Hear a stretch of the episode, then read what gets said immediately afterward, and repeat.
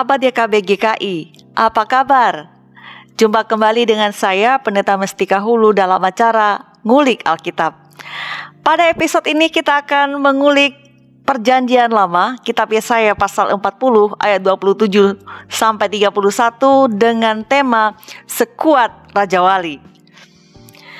Untuk mengulik tema ini telah hadir bersama kita via Zoom ada Ibu Pendeta Linda Musmanto. Ibu apa kabar? Kabar baik, terima kasih Tika. Kabar baik. Terima kasih Ibu tidak jenuh-jenuhnya menjadi narasumber di ngulik Alkitab ya juga di kali ini. Ya, terima, terima kasih, kasih banyak. Akan berbagi di sini. Ya. Baik.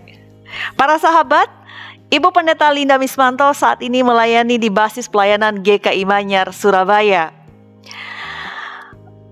Ngulik Alkitab yang ditayangkan uh, setiap minggu, hadir setiap minggu di hadapan uh, para sahabat sekalian, disiapkan untuk menjadi sarana kita belajar bersama, mendalami kitab suci, dan melihat relevansinya dalam kehidupan kita sehari-hari.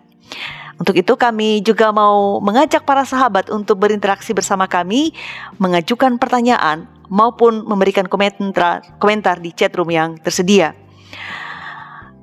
Tadi saya sudah menyebutkan kita akan mengulik Yesaya pasal 40 ayat 27 sampai 31 sebelum kita membacanya mari kita awali terlebih dahulu dengan berdoa yang akan dipimpin oleh Ibu Pendeta Linda. Silakan Ibu. Baik, kita berdoa ya. Tuhan, terima kasih. Jika di setiap titik di kehidupan kami, kami percaya Tuhan tidak pernah meninggalkan.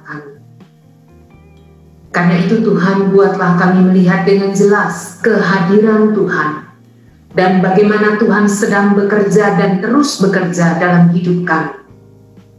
Kami tidak menyerah, justru kami aktif di dalam rencana Allah, di dalam kehendak Tuhan, seperti yang Tuhan mau. Saat ini kami mau belajar apa kehendak Tuhan buat kami. Bimbinglah kami di dalam roh kudus Tuhan. Amin. Amin. Saya akan membaca Yesaya pasal 40 ayat 27 sampai 31. Semoga para sahabat juga sudah siap dengan Alkitabnya masing-masing dan Ibu Pendeta juga siap dengan Alkitabnya. Saya akan bacakan. Mengapakah engkau berkata demikian hai Yakub dan berkata begini hai Israel? Hidupku tersembunyi dari Tuhan dan hakku tidak diperhatikan Allahku. Tidakkah kau tahu dan tidakkah kau dengar Tuhan ialah Allah kekal yang menciptakan bumi dari ujung ke ujung. Ia tidak menjadi lelah dan tidak menjadi lesu tidak terduga pengertiannya. Dia memberi kekuatan kepada yang lelah dan menambah semangat kepada yang tiada berdaya orang-orang muda menjadi lelah dan lesu, dan teruna-teruna jatuh tersandung. Tetapi orang-orang yang menanti-nantikan Tuhan mendapat kekuatan baru. Mereka seumpama raja wali yang naik terbang dengan kekuatan sayapnya. Mereka berlari dan tidak menjadi lesu, mereka berjalan dan tidak menjadi lelah. Wah, Raja Wali Tema kita adalah sekuat Raja Wali.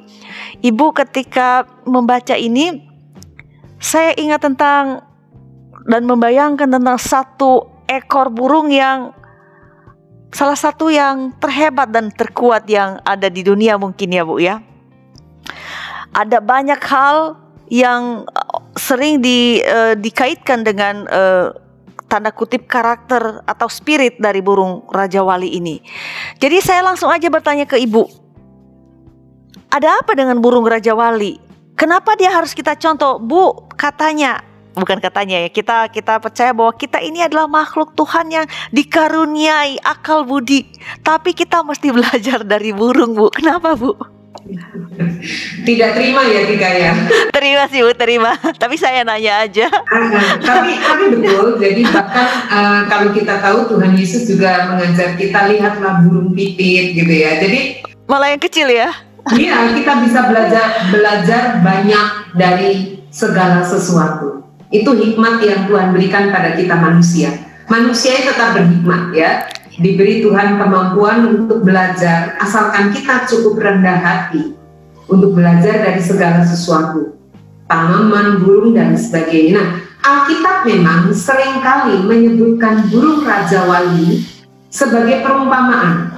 Dalam beberapa perumpamaan, misalnya nih, dalam keluaran 19 ayat 4 kita, ya, sahabat YKB bisa catat dulu nanti bisa periksa ya Keluaran 19 ayat 4 pada saat itu Tuhan menampakkan diri di Gunung Sinai pada saat umat Allah keluar dari perbudakan di Mesir. Ingat itu ya. Tuhan berbicara kepada Musa dan Tuhan berkata kepada Israel melalui perantara Musa bahwa ia akan mendukung mereka. Umat Allah ini, mereka bangsa budak yang baru mengalami penindasan hebat, dan Tuhan justru menggambarkan apa? Ia mendukung mereka di atas sayap Raja Wali. Ya. Jadi mengapa digunakan kata sayap Raja Wali?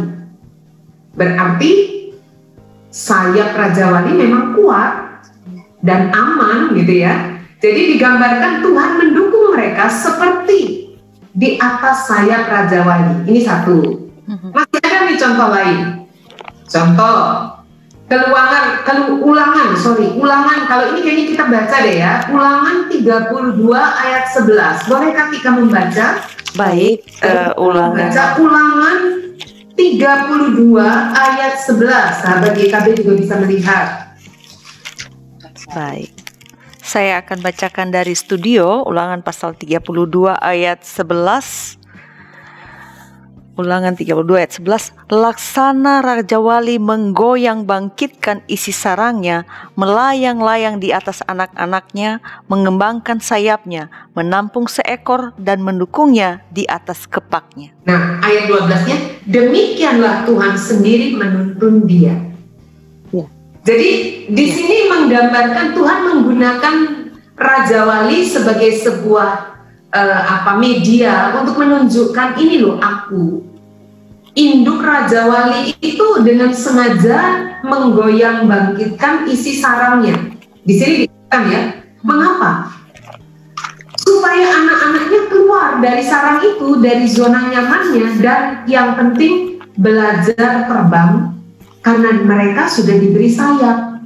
Kalau sayap itu tidak pernah digunakan terbang, mereka tetap akan menjadi uh, apa seperti ayam gitu ya, hanya berjalan gitu ya. Jadi, tapi yang menarik di sini dikatakan apa? Di sini dikatakan melayang-layang di atas anak-anaknya. Jadi meskipun Raja Wali si induk ini menggoyang bangkitkan isi sarangnya, dia tetap melayang-layang di atas anaknya. Mengapa? Karena dia siap untuk mengembangkan sayapnya dan menampung anak-anak itu seekor demi seekor ketika mereka sudah tidak mampu terbang. Artinya apa? Anak-anak ini aman karena induk Raja Wali tidak akan meninggalkan mereka. Jadi Tuhan menggunakan Raja Wali untuk mengatakan, aku loh sedang melatih kamu kuat dan mandiri, tidak bergantung tapi pada saat yang sama, aku tidak akan meninggalkan engkau. Aku siap jika engkau jatuh, aku pasti akan menopang. Ini masih ada lain nih, Tika. Baik. 2 Samuel, Baik. catat ya, sahabat IKB. 2 Samuel 1 ayat 23. Di sana diungkapkan Daud meratap karena kematian Saul dan Yonatan.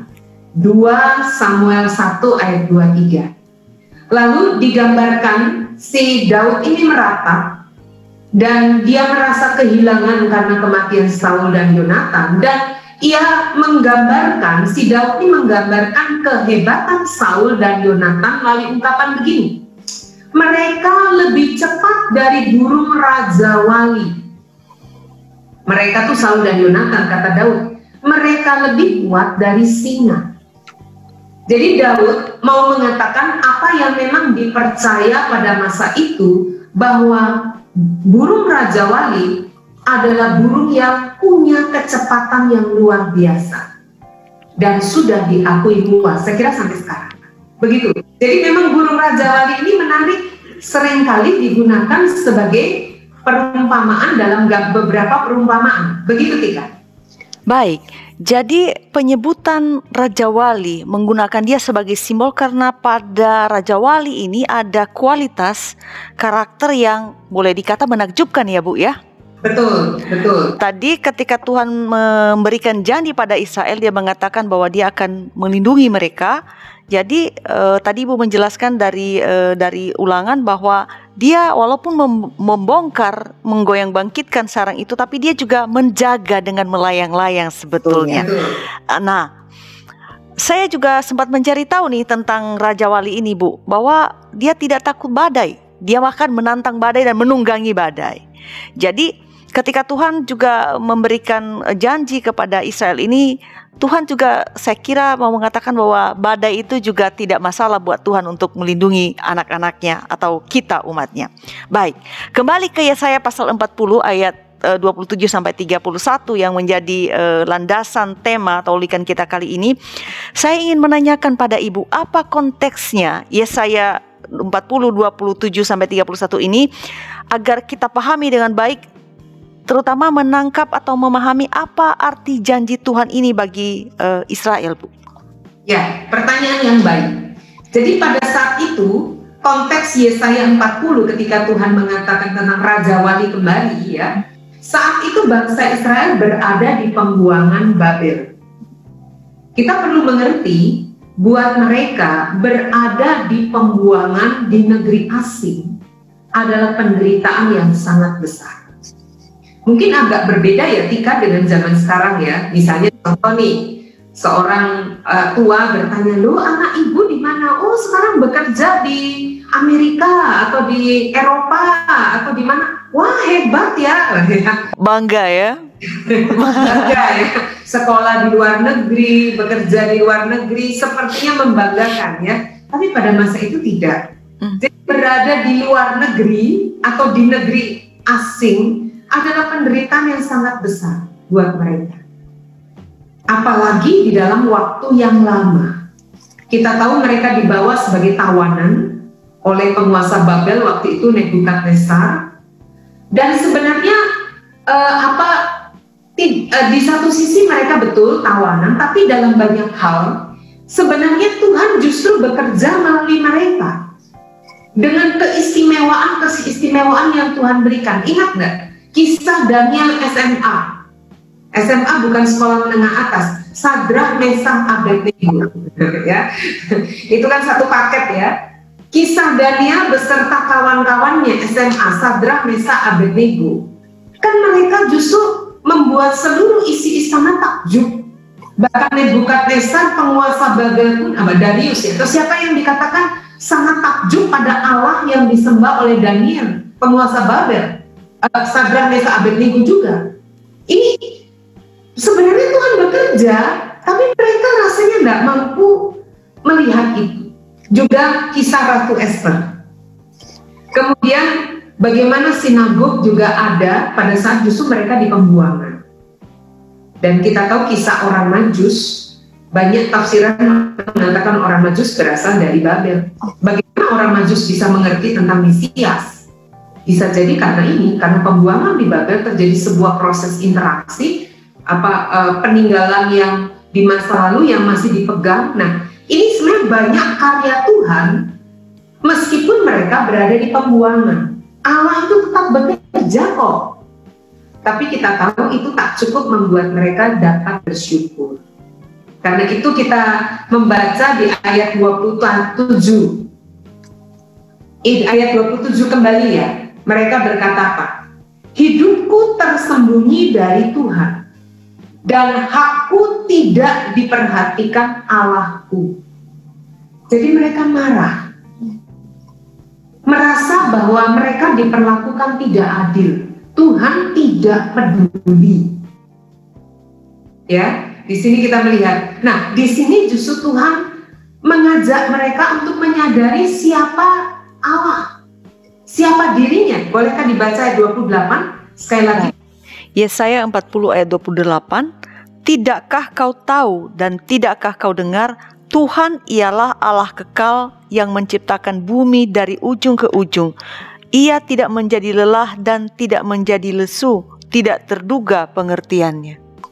Ya, jadi justru uh, Tuhan mau istilahnya menantang gitu, mengajak konfrontasi ya.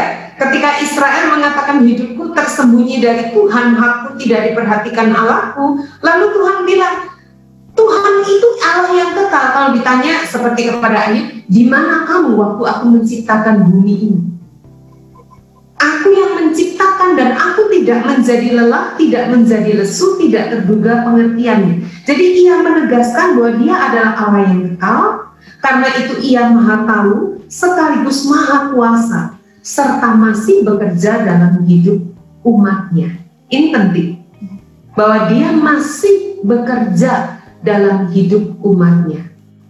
Ya memang kita tahu pada saat itu keadaan bangsa Israel sangatlah mengenaskan. Dan digambarkan ini dalam ayat 30, orang-orang muda menjadi lelah dan lesu. Biasanya orang muda itu simbol apa? Kekuatan. Betul, semangat. Semangat. Jadi masih kuat, masih semangat, kita kan suka bilang begitu. Tapi di sini digambarkan kini menjadi lelah dan lesu. Teruna atau remaja menjadi simbol apa?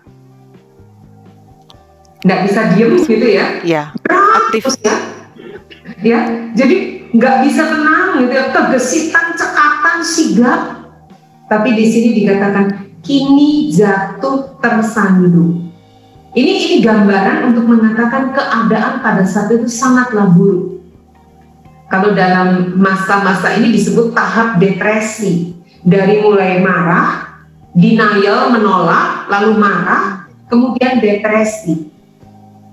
Tapi Tuhan mau mengatakan, Tuhan tetap kok bekerja.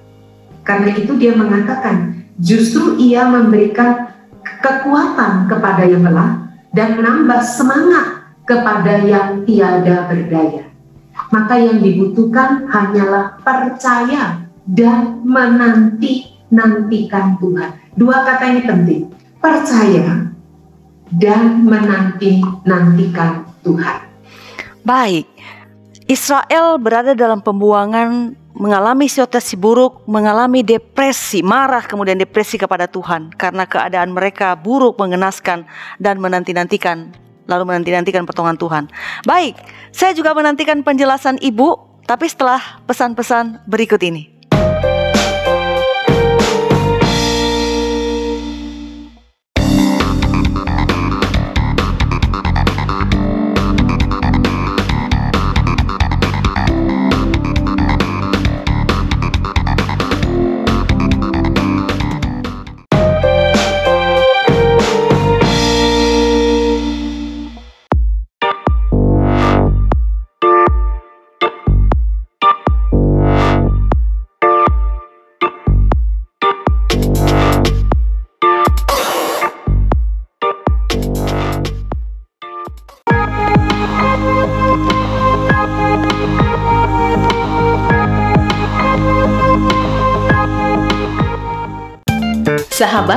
Mari dukung pelayanan dan pekabaran Injil melalui YKB dengan membagikan link acara ini kepada sebanyak mungkin orang. Dukungan juga dapat saudara lakukan dengan mentransfer dukungan finansial ke rekening BCA ke nomor 450 305 2990 450 305 2990 atas nama Yayasan Komunikasi Bersama.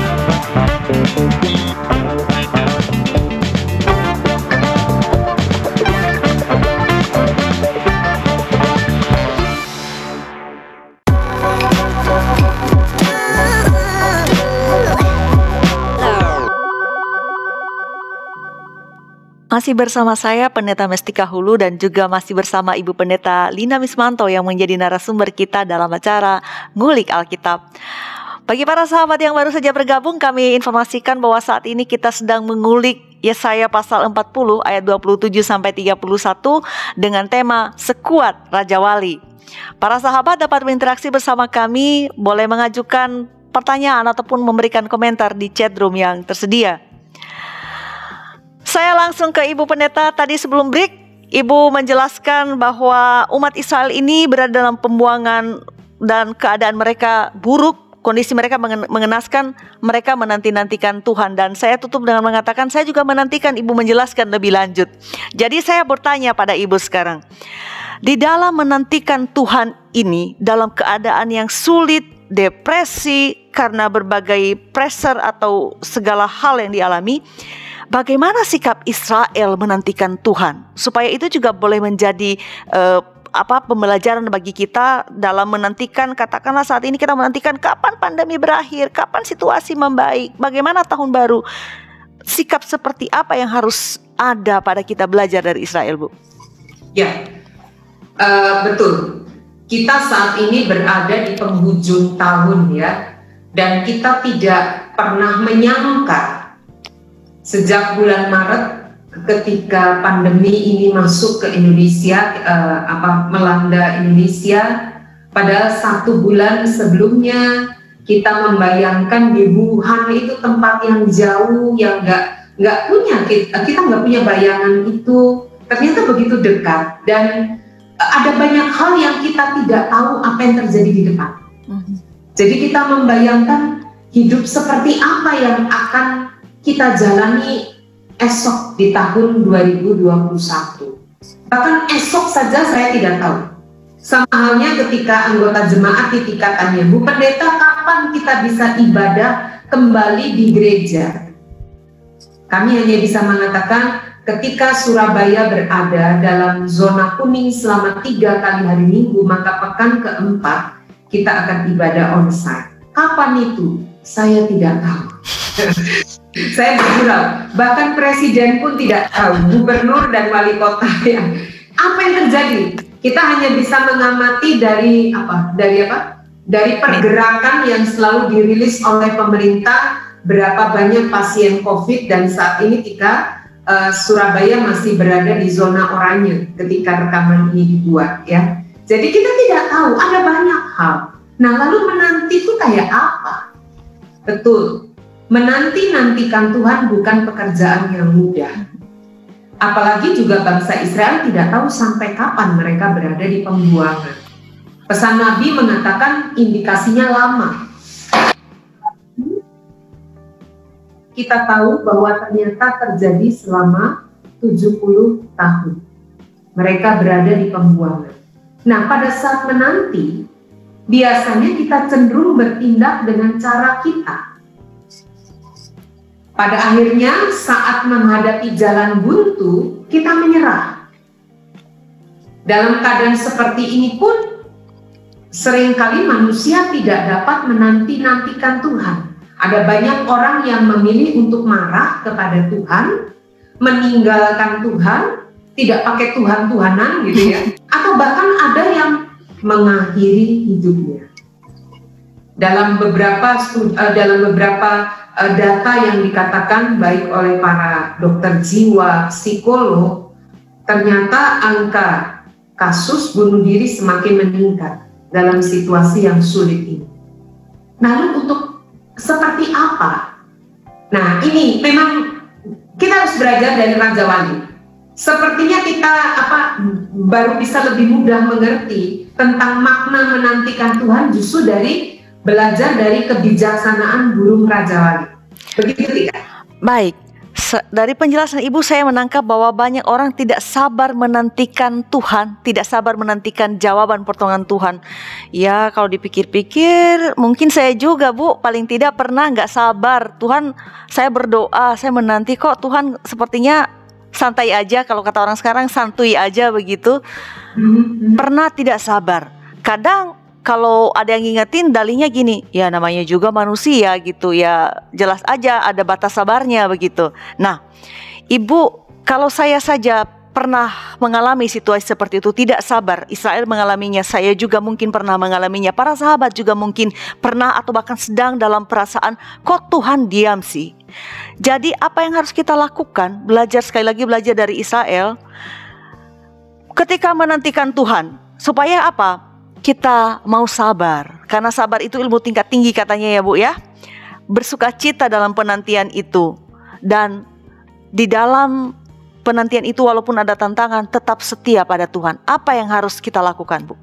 Ya, nah ini menariknya. Kita bisa belajar dari burung Raja Wali. Raja Wali itu bisa dibilang uh, mengalami transformasi dalam hidupnya. Saya kira di sini kita harus belajar untuk mengerti apa makna menanti-nantikan Tuhan yang dikatakan akan seumpama Raja Wali yang naik terbang dengan kekuatan sayapnya. Raja Wali itu sangat menarik ya. Dia bisa berumur sampai 70 tahun, Dika. Bahkan manusia pun tidak semua bisa berusia sampai umur panjang ini. Nah ini menarik. Untuk mencapai umur panjang, seekor burung Raja Wali harus mengalami transformasi yang menyakitkan. Jika tidak, dia hanya bertahan hidup hingga 40 tahun. Mengapa? Karena pada usia 40 tahun, saat itu paruh burung Raja Wali akan menjadi sangat bengkok serta panjang sampai mencapai lehernya. Jadi panjang sampai mencapai lehernya sehingga dia pus, apalagi bengkok sehingga dia sulit untuk makan. Cakar-cakarnya juga tidak tajam. Padahal biasa dia menggunakan cakar itu untuk mendapatkan mangsa, untuk makanan. Bagian bulu pada sayapnya juga sangat tebal sehingga menjadi berat. Akhirnya Raja Wali akan mengalami kesulitan untuk terbang. Nah, saat itu burung Raja Wali berada dalam pilihan mati atau tetap hidup. Jika ingin hidup, maka Raja Wali akan terbang, harus terbang menuju pegunungan yang tinggi. Dan di sana ia membangun sarang pada puncak gunung. Nah, ini menarik ketika burung Raja Wali akan mematuk-matukkan paruhnya pada bebatuan di gunung, sehingga bagian paruh itu lepas. Lalu dia menunggu, karena setelah itu akan muncul paruh yang baru, tumbuh perlahan-lahan. Nah, ini menarik lagi ya. Dengan paruh yang baru, ia akan menggu, uh, dia akan mencabut kuku kukunya satu persatu dengan paku yang sudah tajam dan baru itu. Lalu apa? Menunggu tumbuhnya kuku yang baru yang tajam. Tadi kan cakarnya sudah menjadi tumpul. Dia mencabutnya, lalu menunggu sampai tumbuh kuku yang baru yang tajam. Nah, saat kuku itu sudah tumbuh, dia akan mencabut bulu-bulu sayapnya sampai rontok serta menunggu bulu-bulu yang baru tumbuh pada sayapnya itu. Nah, setelah semua itu terlewati, maka burung Raja Wali ini seperti hidup baru. Bahkan kalau dalam Mazmur 103 dikatakan menjadi muda kembali seperti burung Raja Wali. Jadi burung Wali ini mengalami seperti kelahiran baru. Dengan cara demikian dia bisa terbang kembali, lalu menjalani kehidupan normal kembali dan bisa bertahan hidup hingga 30 sampai 35 tahun lagi. Jadi total bisa 70 sampai 75 tahun. Proses transformasi ini membutuhkan waktu kurang lebih 5 sampai 6 bulan. Cukup lama. Dan di sinilah Raja Wali dituntut untuk sabar menantikan setiap tahap tumbuhnya paruh baru, tumbuhnya kuku baru, tumbuhnya bulu yang baru, semua butuh waktu dan dia akan berdiam diri dalam situasi itu. Demikian dia. Baik, belajar dari Raja Wali, dia mengalami transformasi supaya bisa menjadi baru kembali dan setiap prosesnya tidak mudah, menyakitkan, Bu mematuk-matuk itu patah itu sakit kita aja sakit gigi ampun-ampunan. Lalu kemudian uh, dia harus menunggu kukunya uh, rontok dan tumbuh kembali, demikian juga bulunya. Nah, yang saya tangkap adalah bahwa bertransformasi atau berubah ini selain mengalami proses yang cukup panjang, ini menyakitkan. Betul. uh, kalau kita bawa dalam kehidupan kita berarti menghidupi nilai-nilai baru, pembaruan itu berubah dari satu kebiasaan yang udah nyaman menjadi yang baru itu tidak mudah juga. Dan ini sebab dianggap tidak menyenangkan dan cenderung dihindari karena ya sudah di comfort zone, ya udahlah begini aja daripada repot, ya sudah begini aja begitu. Nah, tapi apa yang terjadi pada uh, burung Raja Wali seperti Ibu jelaskan tadi bahwa transformasi perubahan merupakan keharusan bukan pilihan. Kalau mau hidup harus harus harus bertransformasi, harus berubah, harus belajar hal baru. Nah, saya mau tanya jadi kepengen nanya nih Bu, kalau misalnya nih kan kadang-kadang kita ini kan Bu susah dibilangin ya. Kalau bangsa Israel terkenal dengan bebal dan degilnya, kadang-kadang kita juga mungkin melakukan keras kepala begitu. Kalau kita tidak mau bertransformasi dan tidak sabar dalam penantian itu, kira-kira apa yang terjadi? Ya, betul. Memang tahapan ini tidak mudah. Yang pertama memang mengambil keputusan, mau menyerah lalu mati atau berjuang untuk tetap hidup. Yang dibutuhkan pada saat itu oleh bangsa Israel adalah pertama dia mereka harus menerima keadaan. Berdamai dengan keadaan, mengambil keputusan tidak menyerah, lalu terbang ke tempat yang tinggi seperti burung Raja Wali itu. Yang kedua, yang penting adalah juga bersedia melepaskan. Nah, kalau burung Raja Wali dia harus mematahkan paruh, mencabut kuku dan itu sakit betul ya. Saya pernah kuku kaki itu tidak sengaja nabrak meja, uh sakit banget tercabut gitu ya. Sakit betul, mencabut bulu, tapi hanya dengan cara demikian paru, kuku dan bulu yang baru bisa tumbuh. Jika tidak dicabut, tidak akan pernah tumbuh yang baru. Nah, pertanyaannya, apa yang hari ini sedemikian kita pegang erat yang kita nggak mau lepas, yang buat kita lekat. Kita harus periksa. Ini penting ya. Ini mumpung kita akan menutup tahun ini, kita membuat resolusi hidup kembali. Apa sih yang selama ini begitu keras saya pegang? Yang justru menimbulkan masalah dalam hidup saya sehingga saya tidak siap untuk terbang ke tempat yang tinggi. Kalau bagi bangsa Israel pada saat itu, adalah kebanggaan palsu sebagai umat pilihan. Mereka merasa oke-oke saja melakukan dosa, mereka merasa dengan hanya melakukan ritual selesai gitu ya. Toh mereka umat pilihan, kebanggaan palsu. Nah, apa yang harus kita lepas? Sepertinya setelah ini harus nyatet nih Tika. Tulis kalau perlu. Apa yang selama ini saya pegang erat membuat saya sedemikian lekat yang mengganggu hidup saya. Mari kita lepas. Lalu yang ketiga, menanti proses dengan sabar. Setiap tahap membutuhkan waktu. Jadi tidak bisa setelah dicabut kuku, besok tumbuh kuku baru gitu ya. Butuh seluruhnya proses setengah tahun buat seekor raja wali. Kita demikian, nggak bisa melepas langsung dapat yang baru, nggak juga tapi setiap tahap yang penting kita percaya bahwa Allah tetap hadir dalam setiap proses hidup kita. Yang dapat kita lakukan adalah berdoa. Penting untuk diingat, berdoa bukanlah tindakan putus asa atau menyerah ketika semua jalan sudah buntu. Jadi kalau kita merasa nggak bisa lagi kasih nasihat kepada teman, udahlah kamu berdoa aja ya. Sepertinya doa itu jalan keluar terakhir ketika nggak ada jalan lain. Tidak. Karena apa? Berdoa sendiri membutuhkan kekuatan untuk percaya. Kalau kita nggak percaya, kita nggak akan berdoa.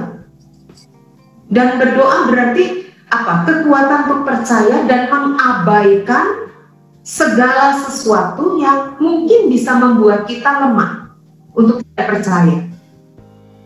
Dan doa itu membuat kita terhubung dengan Dia. Kita butuh fokus. Doa menolong kita untuk fokus. Kadang-kadang kan begini, Tuhan tuh sudah bekerja begitu nyata dalam hidup kita, tapi kita tidak melihat.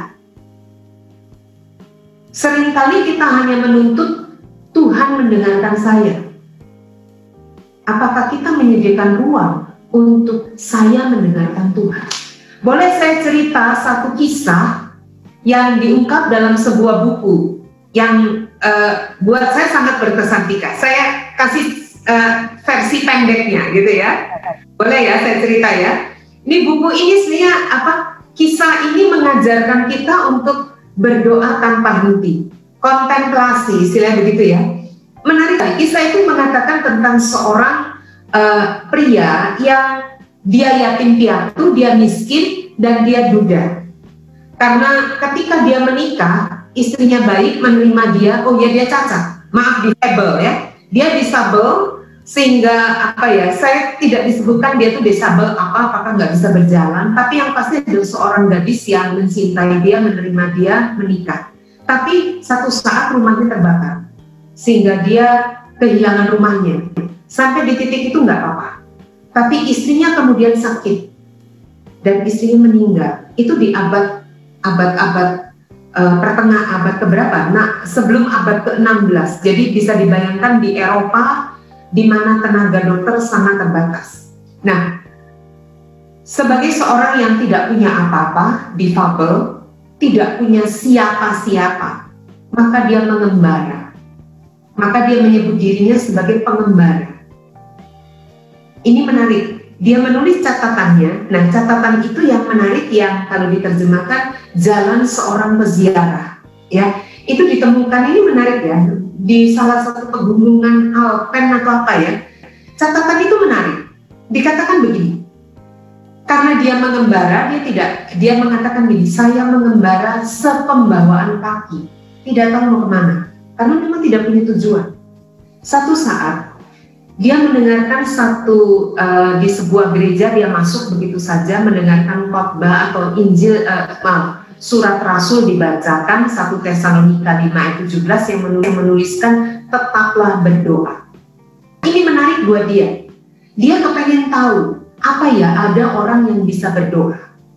Tetap berdoa. Yang dia pikirkan berarti doa 24 jam dong gitu ya. Nah singkat cerita dia bertemu dengan seseorang yang bersedia membimbingnya. Nah ini menarik Pembimbingnya berkata, anak muda kamu biasa berdoa seperti apa? Ya saya berdoa seperti ini Bapak. Oke, doalah seperti biasa. Setelah itu, sebutkan nama, sebutkan doamu, eh, se katakan dalam doamu, Tuhan Yesus kasihanilah aku. Tapi kamu ucapkan berulang kali. Dia pikir kok gampang ya, pendek ya, dia lakukan itu. Tapi lama-lama, dia merasa capek juga ya. Dia bilang, Pak, kalau saya ucapin lebih pendek boleh nggak? Ya boleh. Ya kamu sebut aja nama Tuhan Yesus. Ingat ya sahabat YKB menyebut nama Tuhan Yesus itu pun doa. Ya, jadi doa bukan sekedar daftar permintaan. Nah, lama-lama dia merasa menyebutkan nama Tuhan Yesus capek juga ya. Akhirnya apa? Boleh nggak doa dalam hati? Ya boleh, gitu ya. Enak juga ya banyak nawarnya. Akhirnya doa dalam hati. Tika bisa dibayangkan doa dalam hati itu susahnya di mana? Iya, sama aja sih. Banyak kesulitannya apa? Uh, bagi saya hanya karena tidak terucap, tapi tetap harus mikir juga saya mendoakan apa gitu. Kalau bagi saya. Uh, tapi kalau cuma menyebut nama Tuhan Yesus saja atau doa dalam hati gitu, kalau buat saya doa dalam hati itu kesulitannya bisa melantur. Betul ya kalau masih berpikir oke, okay, Tika masih menyebut gitu ya. Tapi doa dalam hati menyebut nama Tuhan Yesus berulang kali hanya itu itu bisa membuat dia ngelantur dan itu dialami. Akhirnya dia berkata, Pak saya nggak bisa berdoa. Malah dia ingat pengalaman bagaimana kebakaran masuk ke rumahnya, istrinya sakit. Semua pengalaman pahit. Dia cuma merasa di dunia ini nggak ada orang yang lebih malang dari aku. Duda, miskin, tidak punya siapa-siapa, cacat. Apa yang bisa diharapkan dari hidup macam ini? Dia nggak bisa berdoa karena dia marah, nggak bisa terima. Pembimbingnya dengan sabar mengatakan, nggak apa-apa anak muda, kamu berdoalah. Perasaanmu kamu ungkapkan kepada Tuhan. Apa pun itu. Setelah itu, ucapkan kembali, Tuhan Yesus, Tuhan Yesus. Ini menarik. Berhari-hari, berminggu-minggu dia berdoa cara begitu. Meskipun doa lain tetap, ya doa seperti biasa. Menariknya, dia mengatakan, yang ajaib adalah, saya melihat saya bisa memulai hari. Saya heran, kok bisa ya? Dulu saya melihat anak-anak tertawa, saya marah. Ya orang kalau depresi lihat orang lain tertawa dia tidak senang. Entah kenapa saya merasa setiap hari saya membuka mata. Hati saya diliputi oleh ucapan syukur karena saya masih hidup. Nah pertanyaannya, apakah keadaan dia berubah? Tidak. Dia tetap miskin, dia tetap sebatang kara, tapi yang berubah adalah cara pandangnya. Dan ini karena doa. Ya, ini karena doa. Jadi doa memberikan kekuatan kepadanya untuk melewati hari ini. Demikian. Baik, doa memberikan kekuatan dan pengertian bahwa pengharapan pada Tuhan memberikan kekuatan untuk melewati setiap hari-hari kehidupan kita. Nah, tadi uh, sebelum sebelum itu ibu sudah mengatakan bahwa berarti kan transformasi yang terjadi pada seorang uh, seorang pengembara ini. Nah, sekali lagi saya, saya mau katakan me, me, mengingat apa yang ibu katakan bahwa bertransformasi itu kan uh, sulit bagi seorang pengembara ini pun itu sangat sulit dari uh, berdoa Tuhan kasihanilah aku Tuhan Yesus kemudian berdoa dalam hati semua itu butuh proses yang sampai akhirnya oh iya saya bangun pagi dan saya bisa menikmati tawa anak-anak. Nah, walaupun sulit dan menyakitkan dilakukan juga dan kemudian ada hasilnya. Apa hasil yang didapatkan kalau setia terus bertransformasi? Jawaban Ibu setelah pesan-pesan berikut ini. Sahabat YKB, mari kita memuji Tuhan.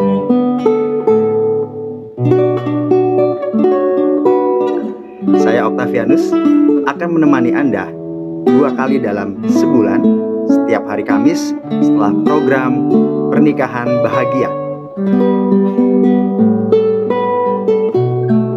Dengan instrumen gitar, saya akan memainkan lagu-lagu yang pernah kita dengar dalam konsep fingerstyle gitar.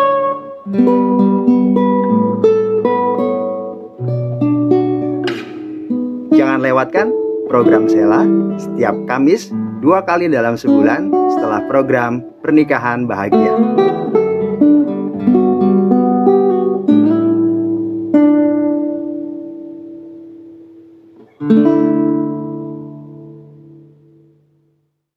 Halo sahabat YKB, kami akan menyapa Anda dalam program baru berbahasa Toraja, Umpama Tanah Pena atau penyejuk hati bersama saya Rismawati Palute.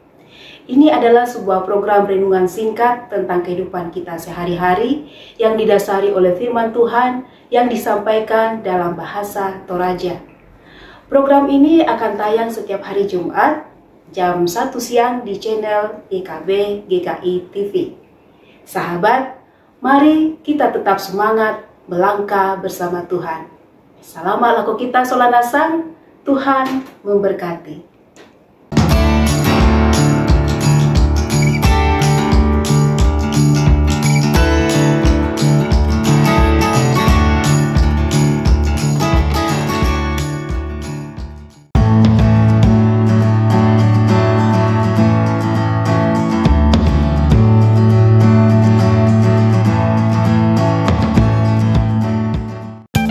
Sahabat, mari dukung pelayanan dan pekabaran Injil melalui YKB dengan membagikan link acara ini kepada sebanyak mungkin orang. Dukungan juga dapat saudara lakukan dengan mentransfer dukungan finansial ke rekening BCA ke nomor 450 305 2990 450 305 2990 atas nama Yayasan Komunikasi Bersama.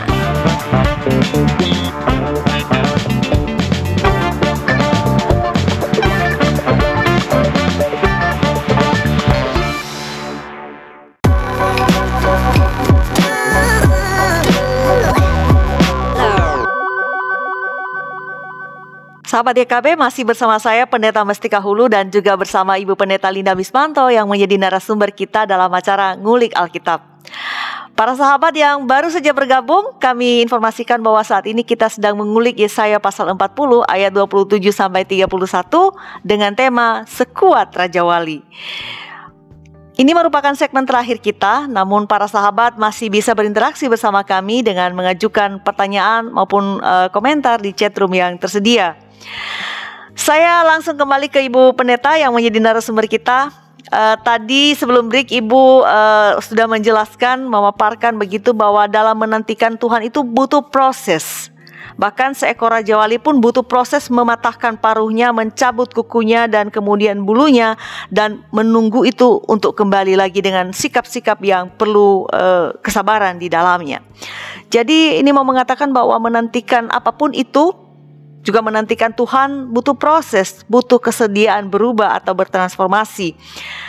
Dan saya bayangkan ibu ini sangat tidak mudah membangun kebiasaan mud baru tidak mudah. Nah, Pertanyaan saya ke ibu nih, bagaimana kita membangkitkan kesadaran dan kemauan kalau kalau uh, sudah berumur 40 tahun uh, sekitar itu uh, Raja Wali memutuskan untuk dia terbang ke pegunungan dan membangun sarang untuk memulai proses perubahan itu.